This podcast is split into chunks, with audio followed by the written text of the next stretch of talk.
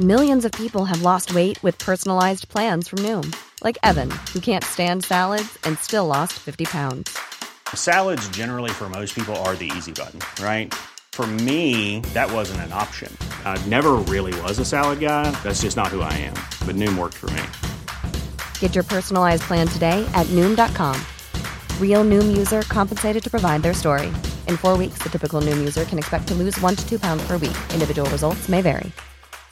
A lot can happen in the next three years. Like a chatbot may be your new best friend. But what won't change? Needing health insurance. United Healthcare Tri Term Medical Plans are available for these changing times. Underwritten by Golden Rule Insurance Company, they offer budget friendly, flexible coverage for people who are in between jobs or missed open enrollment. The plans last nearly three years in some states, with access to a nationwide network of doctors and hospitals. So, for whatever tomorrow brings, United Healthcare Tri Term Medical Plans may be for you. Learn more at uh1.com. Hey, I'm Ryan Reynolds. Recently, I asked Mint Mobile's legal team if big wireless companies are allowed to raise prices due to inflation. They said yes. And then when I asked if raising prices technically violates those onerous two year contracts, they said, What the f are you talking about, you insane Hollywood ass?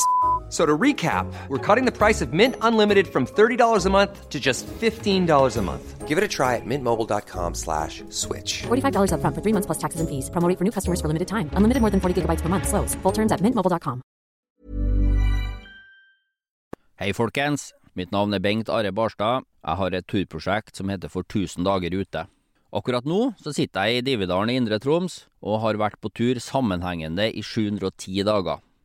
Utstyret jeg har med meg på en sånn tur er utrolig viktig for at turen er både trygg og behagelig.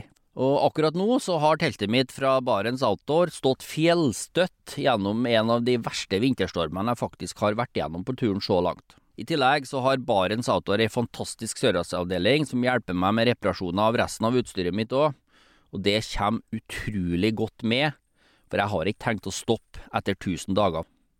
Så alle dere som er mye på tur, trenger service og bra utstyr, gå inn på barentsoutdoor.no.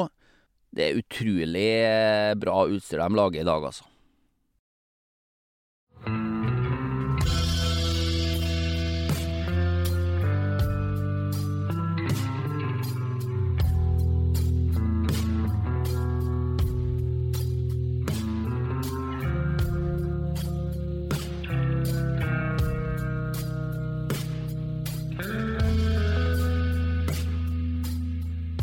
Hei og velkommen til podkasten Uteliv.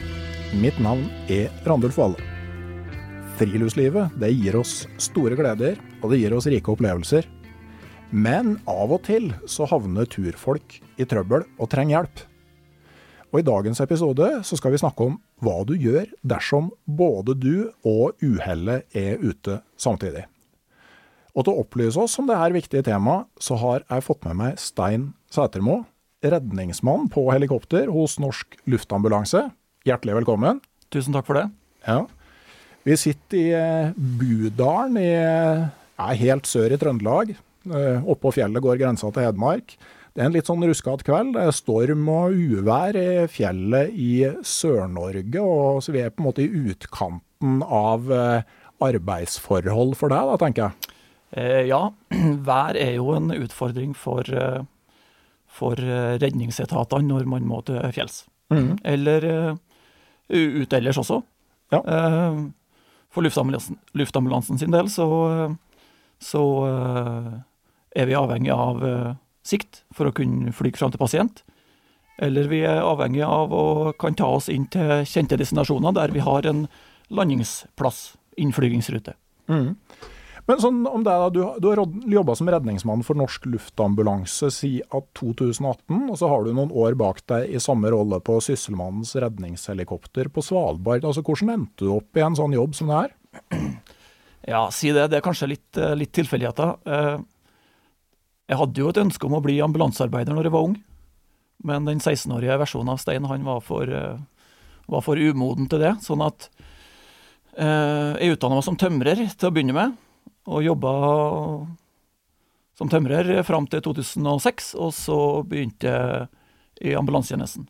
Mm. Og da jobba jeg i ambulansetjenesten fram til jeg begynte hos, eh, hos Lufttransport på Svalbard, da, på redningshelikopteret til Sysselmannen.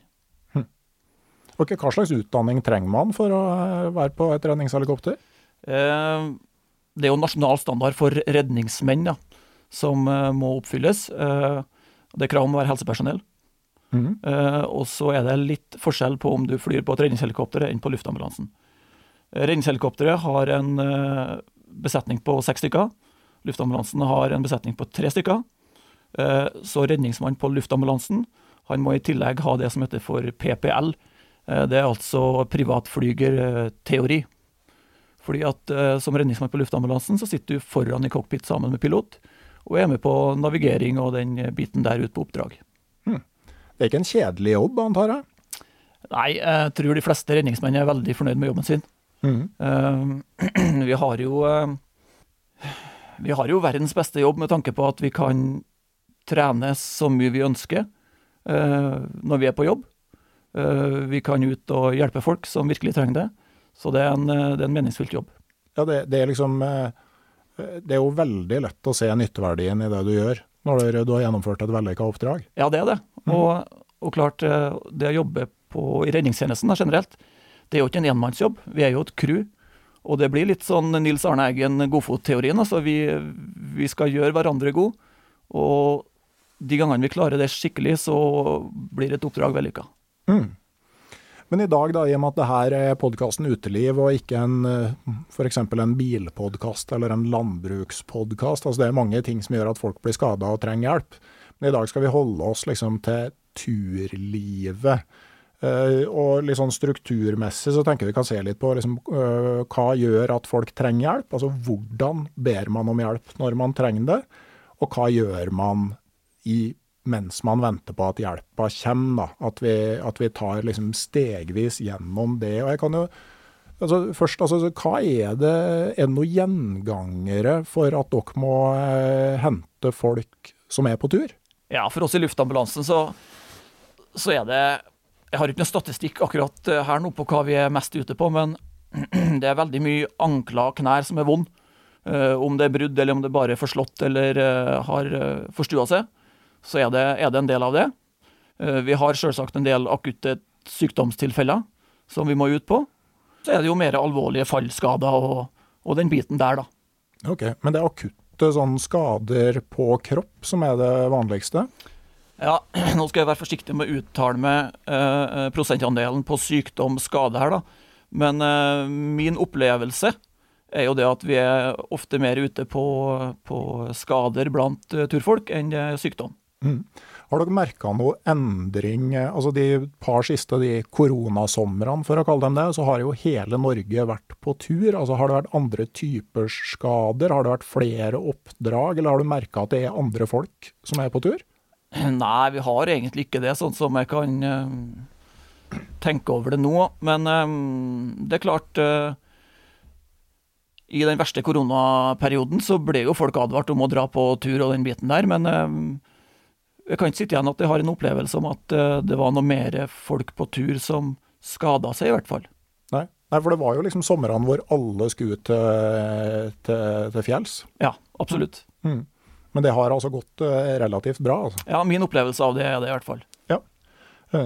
Men eh, det med å be om hjelp Altså, jeg tenker eh, Hvordan vet du at du har kommet i en situasjon hvor du må be om hjelp? Nei, det tror jeg er litt individuelt, altså. Eh, noen kanskje ser an ting lenger enn andre. Eh, men det er jo klart, det er jo noen tilfeller der vi ønsker at folk ringer veldig tidlig. Eh, vi kan jo ta sykdom først, da. Og det er der man har akutt innsettende brystsmerter. Man har tegn på hjerneslag. Eh, folk blir bevisstløse av ukjent årsak. Og selvsagt hjertestanser. Mm. Da er det tidlig varsling som er nøkkelen til eh, hvor vellykka det her blir. Mm. Men jeg tenker ellers, altså sånn, du har jo eh, altså sånn som overvurdering av egne evner, utmattelse, altså nedkjøling, sånne ting. Hvor vanlig er det at man må hente folk pga. det?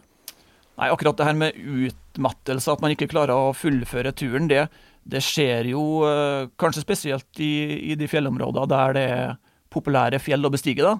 Mhm. Eh, tenk oss eh, Galdhøpiggen og de områdene der. Mm. Besseggen. Ja.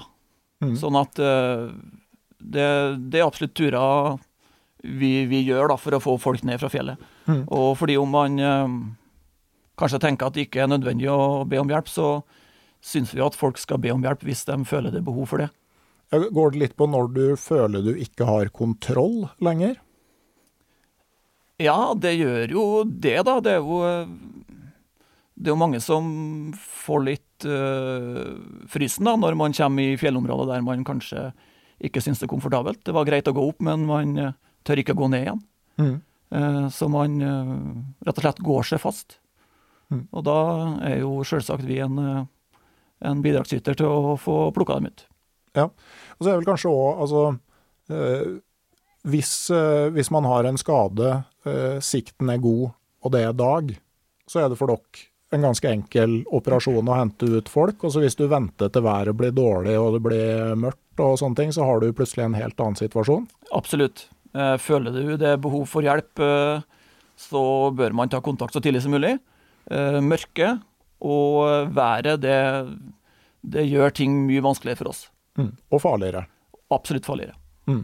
For det er jo en, eh, en, eh, det er jo for så vidt deres ansvar å bedømme risikoen i det dere gjør, men eh, hvis man, eh, hvis man har gode forhold for en uthenting, så er det jo en faktor å ha med seg. da, At ja. det er bedre å, å være litt trigger-happy eh, når forholdene er gode, Ja. enn å innse når det blir natta at det her var dumt. Absolutt, det er det.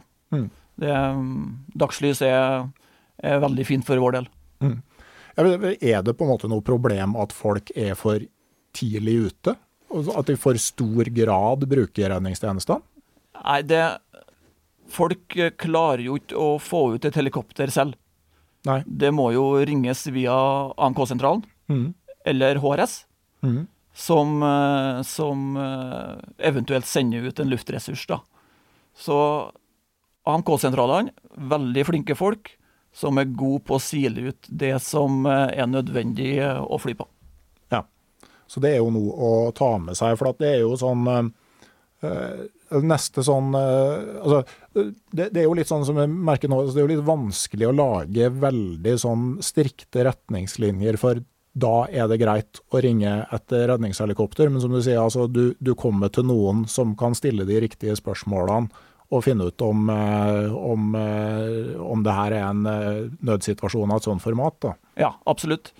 Eh, AMK-sentralen, som, eh, som styrer den helsemessige biten av nødsentralene, er jo flink på akkurat dette her. Eh, I tillegg så har de jo også mulighet til å, å få en videokonferanse med innringer, sånn at det også kan være med å vurdere situasjoner hvor nødvendig det er å sende helikopter til stedet. Mm. Ja, for det er jo forskjellige måter du kan be om eh, hjelp på. Altså I dag har jo veldig mange en smarttelefon. Og så kan du si altså du har jo Du kan jo ringe 113, men du har også 113-appen. Kan du si noe om på en måte, Er det ene å foretrekke foran det andre? Eh, nei, det som er, det er at eh, om du bruker appen, eller om du taster inn nummeret sjøl, så kommer du jo til AMK-sentralen. Eh, fordelen med appen, som jeg skal skryte litt av, det er at eh, hvis man har eh, god dekning, så kommer posisjonen der du er, direkte inn i AMK-sentralen. Og det blir mye lettere for eh, ressursene å lokalisere. Ja, og Det er jo et poeng hvis du har gått deg vill, f.eks. Absolutt. Eh, hvis du, for det, det er jo ikke uvanlig når du ber om hjelp at du ikke vet hvor du er. Nei da, det er jo ganske vanlig, det. Og en um... Av og til kan det jo nettopp være det som er problemet. Altså, Man har jo hørt om jegere som eh, ja, går rundt omkring i skogen, og så blir det mørkt, og så vet du ikke hvor du er lenger. Nei. Så jeg vil absolutt anbefale at eh, folk laster inn den appen også. Ja. Hvordan sånn dekningsmessig er den Hva krever den av dekning i forhold til eh, telefon? Eh, Nei, den må ha samme dekninga som du har på telefonen. Mm. Sånn at har du ikke telefonsignal på, på telefonen din, så får du ikke ringt ut med den. Nei. Eh, Men GPS-en den styres jo av GPS-en i, i eh, telefonen. Sånn at du kan jo ta en screenshot av posisjonen din, og eventuelt ta det til et sted. Eller at noen andre tar seg til et sted og får ringt etter hjelp. Mm. Men da har posisjonen på der pasienten eller den forulykka ligger, da. Ja. Og det er jo av og til at f.eks. tekstmelding kan gå ut mens du ikke får ringt og ikke får brukt uh, andre ting, da. Ja, Mm. det er det. Så det, det gjelder å være litt sånn eh, oppfinnsom på det her da, når man, eh, når man kommer ut for det. Og eh, prøve å tenke hva som er fornuftig å gjøre med tanke på for å få skaffa hjelp. Ja. Eh, og så er det i dag, da, så har du eh, både enheter fra Spot og fra Garmin. eh, som bruker satellittkommunikasjon, og som både kan sende posisjonen og, og meldinger til dine ja, definerte kontakter, men også har en sånn SOS-alarmfunksjon. Hvordan fungerer dem? Når du trykker inn den SOS-alarmen, da, så har du jo et abonnement på denne eh, spotten eller InReach da, som du har. Og da vil den eh, eh, sentralen ta imot den nødmeldinga. Mm. Og da skal man jo Jeg skal ikke si det helt sikkert, men da skal du ha forhåndslagra noen, noen nære kontakter som de kan kontakte, for å høre om du er på tur i det området der den nødalarmen har gått. Mm. Sånn som Spot, da, så blir jo det lasta ned i, i USA, uh, så vidt jeg vet. Og så tar den sentralen igjen kontakt med hovedredningssentralen i Norge, da. Mm. For å formidle, videreformidle den infoen. Mm. Ja, sånn til forskjell, hvis du, du har jo noe som heter landmobil nødpeilesender. Altså, er det en, et mer direkte varslingssystem? Eh, Ja, nødpeilesender er jo mer direkte varslingssystem som går inn til HRS. Mm. Eh, Hovedredningssentralen? Ja, hovedredningssentralen. Mm. Men eh, jeg skal ikke eh, vurdere kvaliteten på de to eh, enhetene. altså Det må nesten folk vurdere sjøl hva de ønsker å ha. Så, men, men det er jo altså Sånn med, med nødpeilesender, da. Altså i, det er jo en vesensforskjell på f.eks. å havarere i kajakk og det å få en mer sånn langvarig nødsituasjon på fjellet, f.eks. Sånn at eh, hvis, eh, hvis nødpeilesenderen gir raskere beskjed rett til redningspersonell, så er jo det en faktor, da. Ja, absolutt. Eh, HRS sender jo ut eh, redningshelikopter eh, med en gang hvis de får en sånn nødpeilesender. Eh, og så er vel eh, det med landmobil nødpeilesender, i hvert fall da jeg hadde det, eh, så var det noe du måtte søke om, og det er jo litt eh, dyrere enn eh, det å ha en sånn eh, InReach, som du da òg kan rett og slett bruke som sånn kommunikasjonsutstyr med familie. Og så har du i tillegg muligheten da til å, til å sende den Du kan jo sende en beskjed om at du trenger assistanse uten å sende et nødsignal. Ja, det Og kan det- du gjøre. Og det kan jo altså f.eks. at forholdene blir sånn at du ikke klarer å ta deg ut igjen før maten tar slutt. Så kan du mer eh, få en sånn eh, en litt forsiktigere respons enn å sende ut et helikopter som da plutselig kan være påkrevd til en eh, mer alvorlig hendelse et annet sted. Ja da, absolutt. Og likeens hvis du ligger værfast og ikke kommer deg videre, så er det jo fint med en sånn eh, tekstmelding som du kan sende. Når man ringer inn en nødmelding, altså hva slags informasjon er det de da vil ha i andre enden? I andre enden så vil de vite hvem det er som ringer, eh, hva som har skjedd, og hvor det har skjedd. Mm. Og eh, så nøyaktig posisjon som mulig er jo veldig viktig for, for eh, dem som skal komme og hjelpe, da. Ja. Eh, Hvis du ikke har en GPS eller en, en, eh, noe annet som kan fortelle deg eksakt posisjon, altså eh, hva er det man på en måte kan hjelpe seg med for å få gitt en posisjon? Nei, det er jo mange folk som går på stier, da. Sånn at uh, man kan jo si uh, f.eks. startsted og eventuelt uh, stedet man skal gå til. Mm. Og i tillegg eh, si om man er over skogen eller om man er i skogen, ikke sant. Eh, på den turstien. Det vil jo være med å hjelpe oss eh, veldig mye hvis man ikke får en eh, GPS-posisjon. Mm. Og så er det vel òg et poeng, da, at altså, det kan jo være veldig stressa situasjoner når det skjer ulykker. Så hvis du ringer 113, eller trykker på knappen på, på 113-appen, så kommer du jo til en fagperson som Altså, du trenger ikke å ha tenkt gjennom alt du skal si, for det sitter noen i andre enden som vet hva de skal spørre om. Absolutt. Der sitter jo godt trente sykepleiere som, eh, som tar imot nødmeldinger. Samtidig som det sitter eh, det vi kaller for en koordinator og sender ut ressurser til stedet. da. Mm. Sånn at eh, den eh, personen som tar imot nødmeldinga, vil jo hele tida holde samtalen i gang med å stille spørsmål. Mm. Og Det kan jo kanskje oppleves eh, litt sånn eh, rart det da, at det blir så mye spørsmål, Men det er for at vi skal ha best mulig info før vi rykker ut, og sånn at eh, sentralene kan få sende ut rett hjelp. Mm. Eh, Men sånn eh, for eh, helikopter, da, altså er det noe sånn praktisk du kan gjøre for å Ja, for at det er lettere å bli funnet, for at det skal være lettere å lande, plukke opp skader? Ja, igjen da, så kan denne, denne videosamtalen med AMK da, være ganske behjelpelig med å, å se litt hvilket område pasienten befinner seg i. Mm. Eh, landingssted, det, det finner vi ofte selv, men det kan jo være fint om eh, innringer gjør seg noen tanker rundt det, om det er mulighet til å lande der. Mm. Eh, så handler det om det å være godt synlig.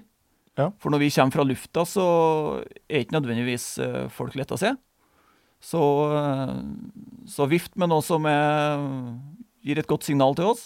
Mm. Spesielt hvis det er plasser der det er mye folk på tur, da. Så vi slipper å lete så lenge. Ja, for å finne de riktige. Men, Ja. men er det sånn at f.eks. refleks vil gi eh, Ja, spesielt i mørket, da. Mm. Så vil jo refleks og lys være veldig fint for oss. Mm. For vi flyr jo med, med NVG, nattbriller, mm. som er lysforsterkende. Så at da vil vi se et, eh, ei hodelykt eh, veldig godt da, mm. i de brillene våre. Ja. Sånn at det, det er absolutt fornuftig å ha på eh, ei lykt hvis det er på kveld eller natt. Jeg lar jo normalt dem som er med i det digitale turlaget på Patrion, får jo mulighet til å komme inn med sine, sine spørsmål når, før jeg tar opp episoder. Og det var en som lurte på er det sånn at redningshelikopteret har basestasjon for mobil, sånn at det kan finne mobilen sjøl om den ikke har dekning? Eh, ja.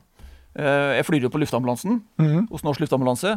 Vi har ikke den muligheten i vårt helikopter. Mm. Men det nye redningshelikopteret, som nå er innført på Sola mm. og Ørland, de har en sånn stasjon og kan eh, søke på telefoner.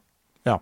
Men eh, da er man igjen avhengig av at telefonen er påslått, Mhm. og at den har eh, selvsagt strøm. Da, så det å ha med seg en, eh, en powerbank, det Mhm. kan være veldig fornuftig.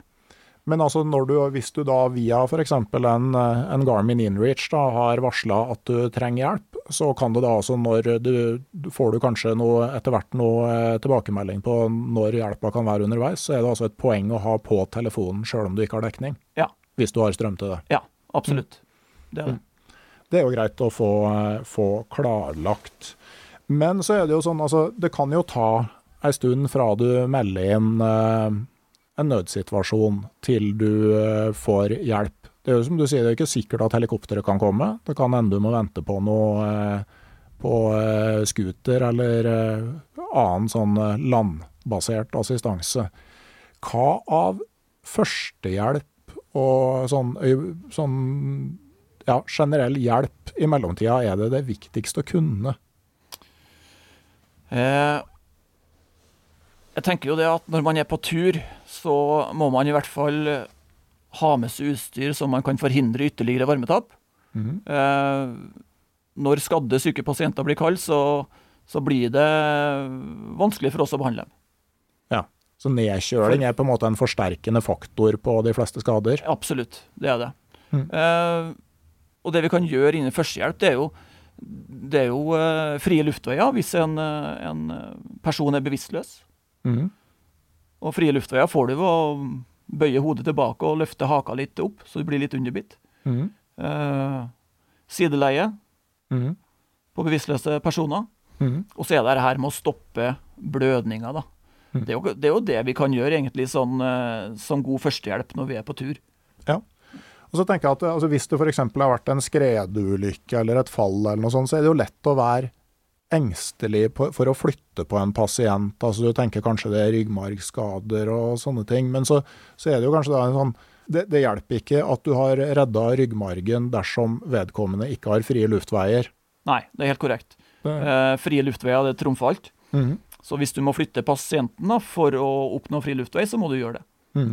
Og det samme, ikke sant, hvis du, hvis du vet at det kan gå to-tre timer før du får hjelp, og, eh, personen står eh, fast i snøen til oppi på livet, så vil den da antagelig bli Da blir den nedkjørt. altfor nedkjølt. Ja. Sånn at da, da må du gjøre noe med det, sjøl om eh, du ikke vet måte, hvilke skader som kan bli forverra underveis. Absolutt. Mm. Det er det. Så man må, man må gjøre de tinga Altså, man må gjøre det man kan gjøre noe med.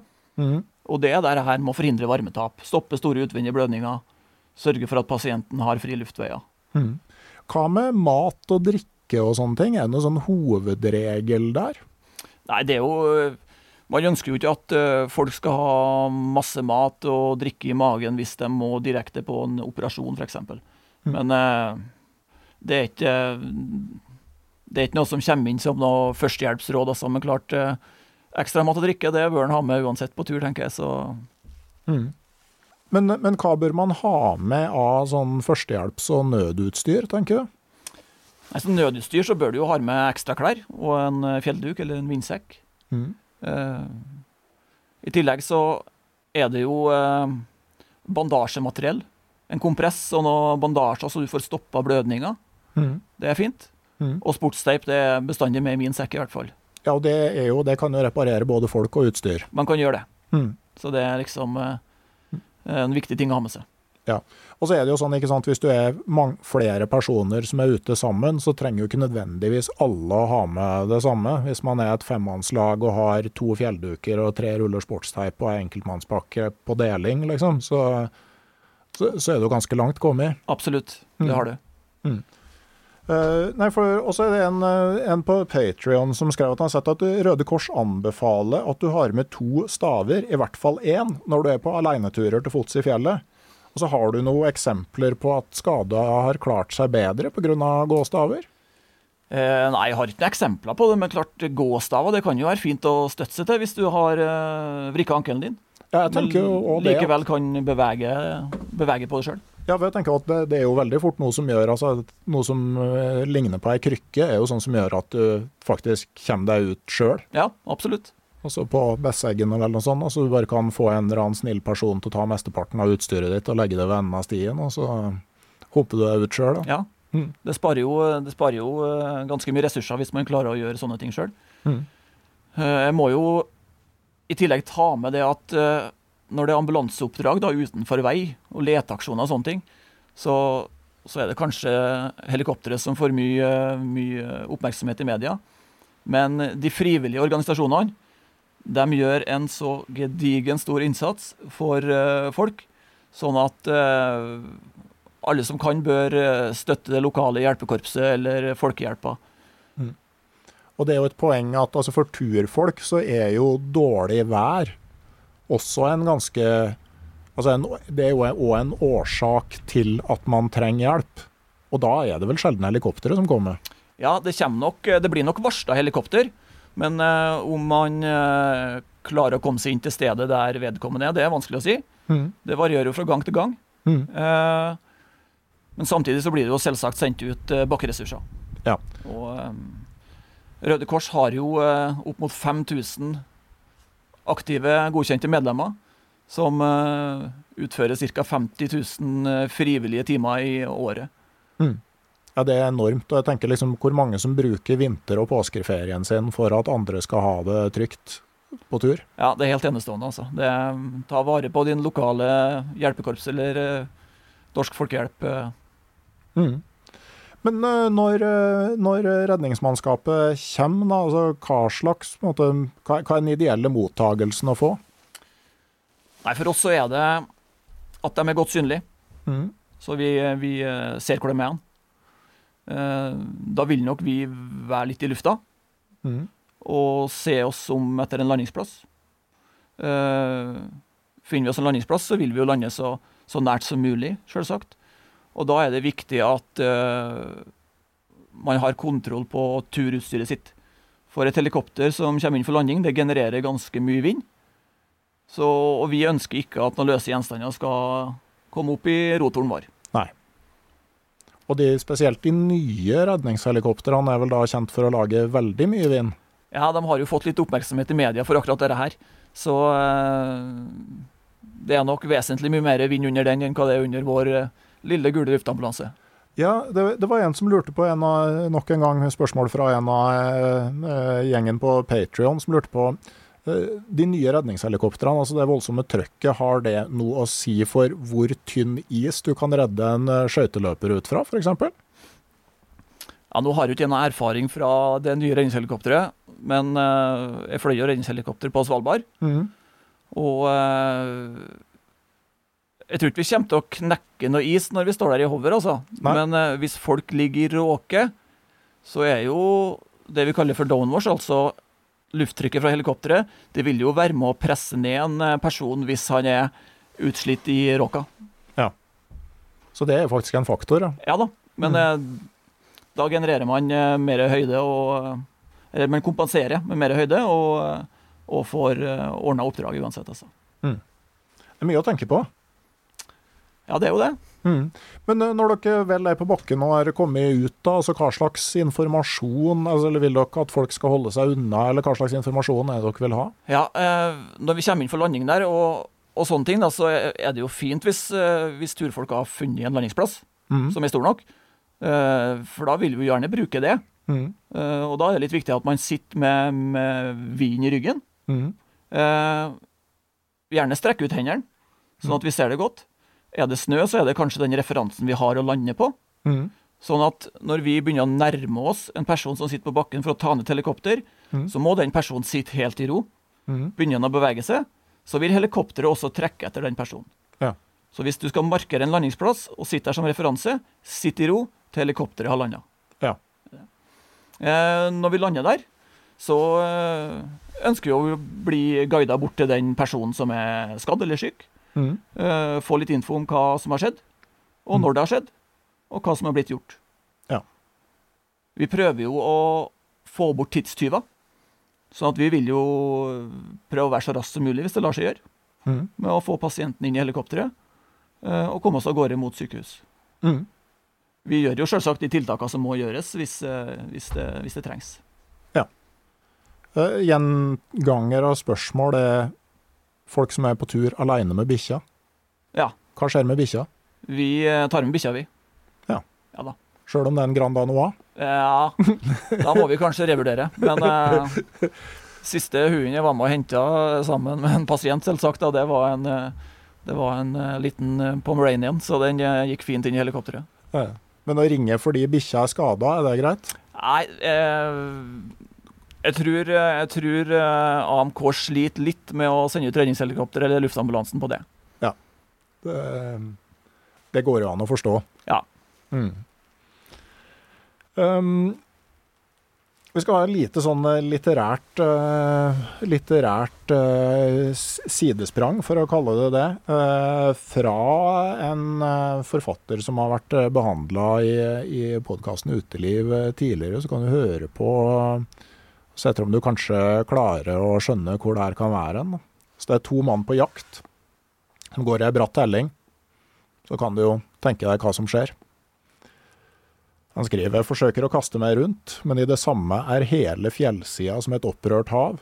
Jeg blir slengt over ende, ser meg bakover og ser snøen kvelve seg opp som en kjempestor bølge ovenfor. Så er alt bare et drønnende inferno. En rasende foss av snø og lyd. Med ett så er alt så underlig stille. Forundret ser jeg meg om. Jeg er kommet helt ned i bunnen av dalen. Overkroppen har jeg over snøen. Geværet holder jeg ennå i høyre hånd. Forsiktig ler jeg på en fot, ingen smerter. Den andre foten, stadig ikke noe galt. Så begynner jeg å grave snøen vekk, og snart står jeg oppå den tettpakkede snøen. Jeg har ikke en skramme. 30 meter borte ser jeg overkroppen på Bror. Han er så merkelig stille. Hvordan gikk det? roper jeg engstelig. Det gikk galt, stønner han. Jeg springer bort. Det er ryggen, stønner han. Forsiktig begynner jeg å grave vekk snø omkring ham. Griper han under armene og trekker. Han skriker av smerte. Hvordan jeg fikk ham opp og bort fra raset, vet jeg ennå ikke den dag i dag, men jeg klarte det. Én ting eh, er jeg klar over. Jeg måtte hente hjelp, og det måtte skje fort.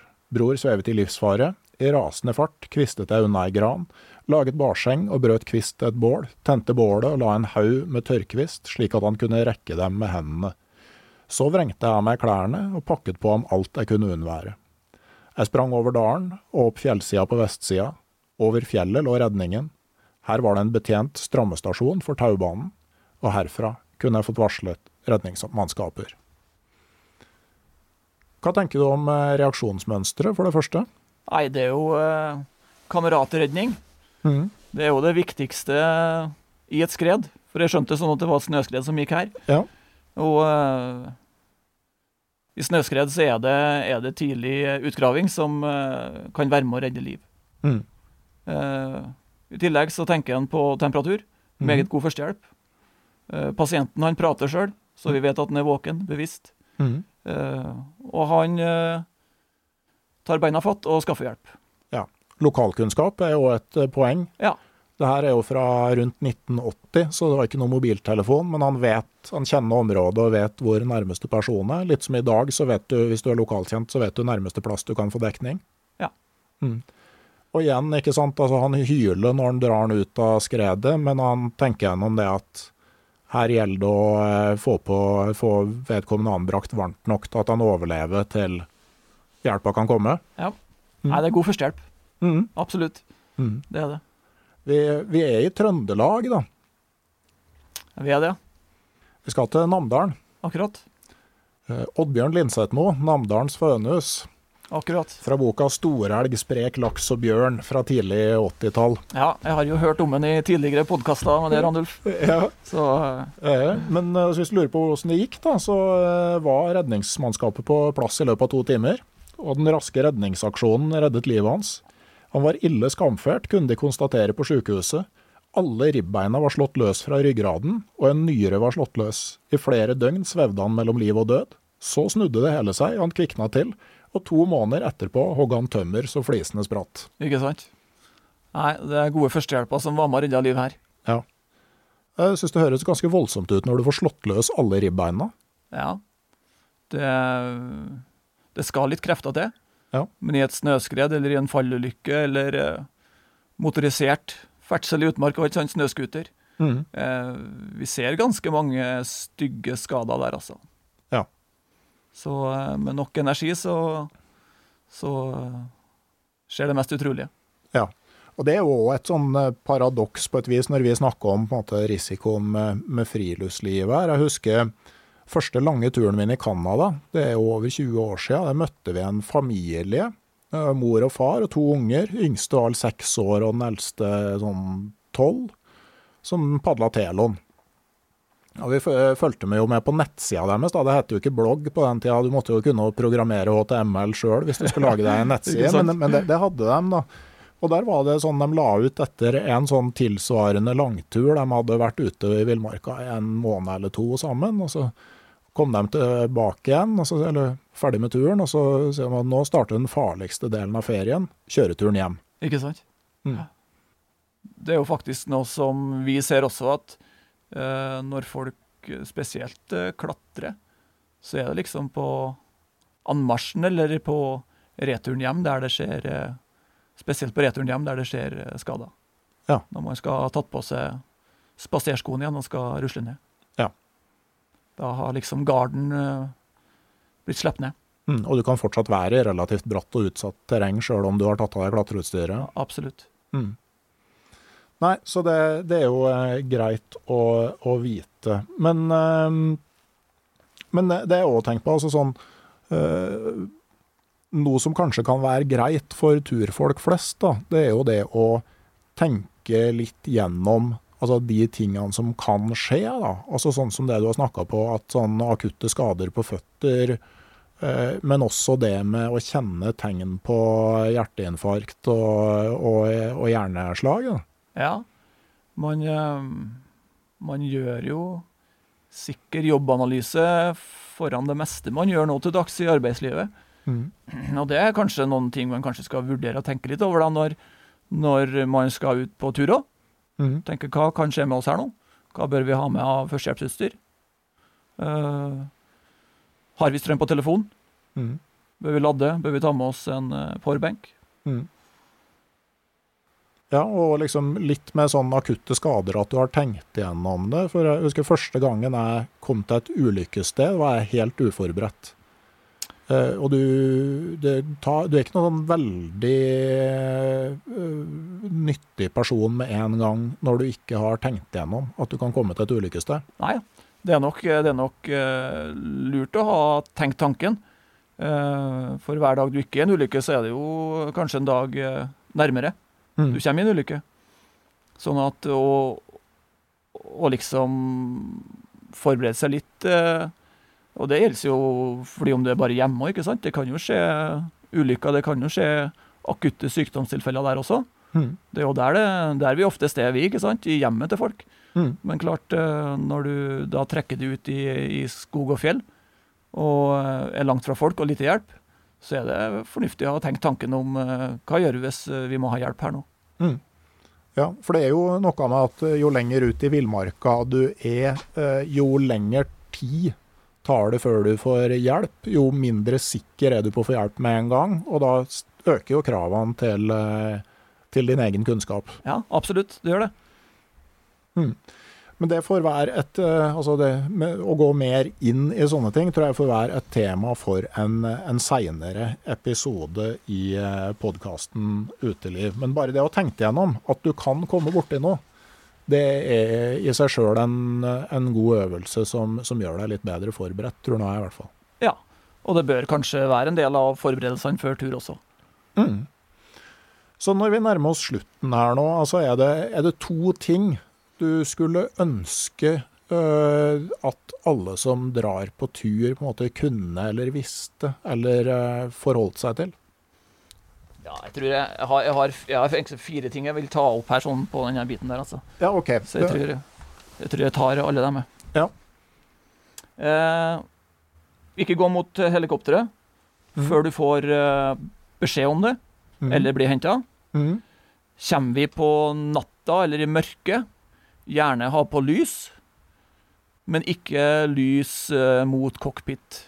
Det er ofte vi eh, lander med nattbriller når eh, vi lander på nattestid.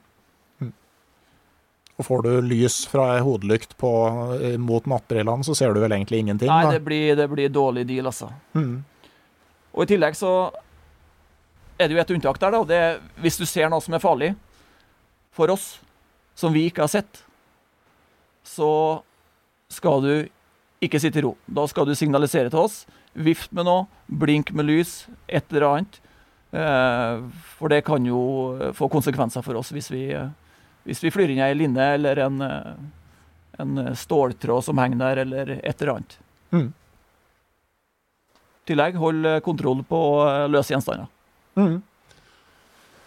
Det var to ganger to, men eh, jeg synes det er jo veldig sånn greit å få med seg, for det er et perspektiv de færreste, færreste av oss har. Det med måtte, hva er en helikopterpilots behov og, eh, og eh, liksom grensesnitt med resten av verden. Ja, vi um, Vi blir jo liksom et eh, blikkfang når vi kommer også, ikke sant? Sånn at uh, Det er kanskje, kanskje lett for at man blir litt for entusiastisk og har lyst til å fram og, og få tak i oss og, og få hjelp. Mm. Hvis du har en eh, nær venn eller familiemedlem som ligger der hardt skadd eller syk. Men Vær litt tålmodig. Dere kommer så fort dere kan. Vi, eh, vi skynder oss sakte. Kan si sånn med landingssted for helikopter for mange år siden, da Hilde og jeg var på Aconcagua i Sør-Amerika. Så kom vi opp i en, eh, en av de høyere campene på fjellet, og så så vi lå noen sandsekker der som var veldig sånn fine å, å forankre teltet i.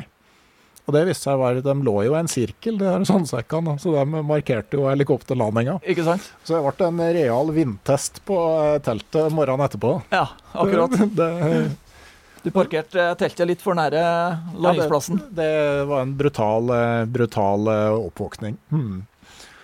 OK. Men uh, tusen, tusen takk uh, til deg, eh, Stein Sætermo.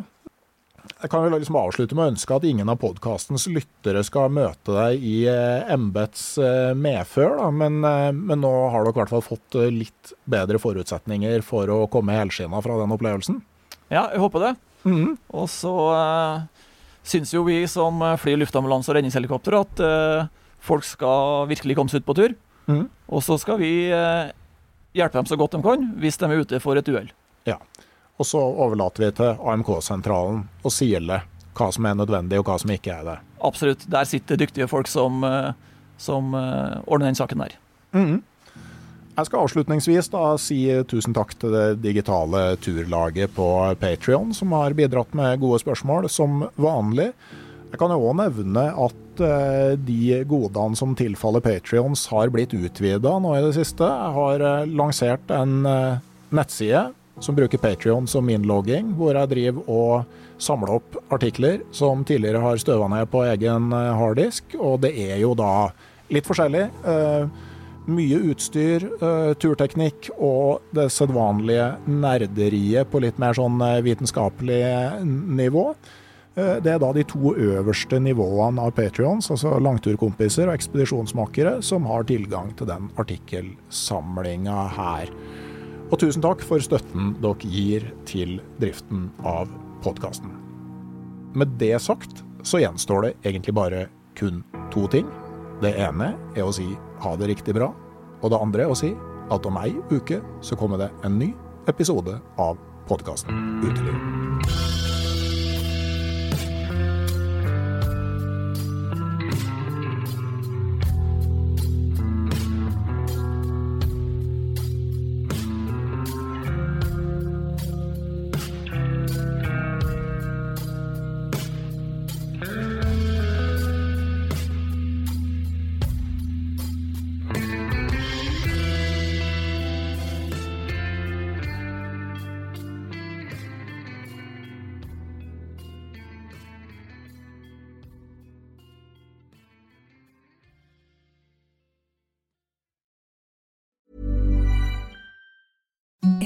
The softest sheets you've ever felt. Now imagine them getting even softer over time. That's what you'll feel with Bowl and Branch's organic cotton sheets. In a recent customer survey, 96% replied that Bowl and Branch sheets get softer with every wash. Start getting your best night's sleep in these sheets that get softer and softer for years to come. Try their sheets with a 30-night guarantee. Plus, get 15% off your first order at bowlandbranch.com. Code BUTTERY. Exclusions apply. See site for details.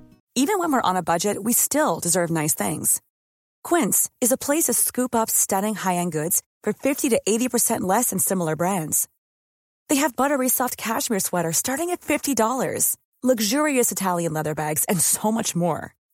Plus, Quince only works with factories that use safe, ethical, and responsible manufacturing.